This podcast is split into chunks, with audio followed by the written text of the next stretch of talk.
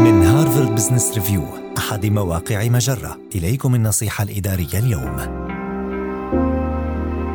جعل اجتماعك الافتراضي اجتماعا فعالا.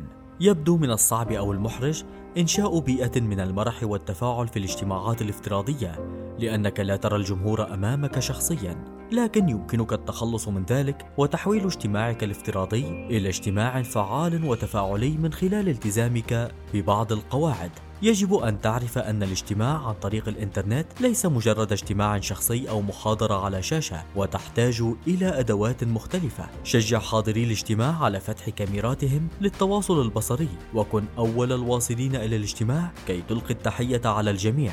وحاول مخاطبة الحاضرين بأسمائهم.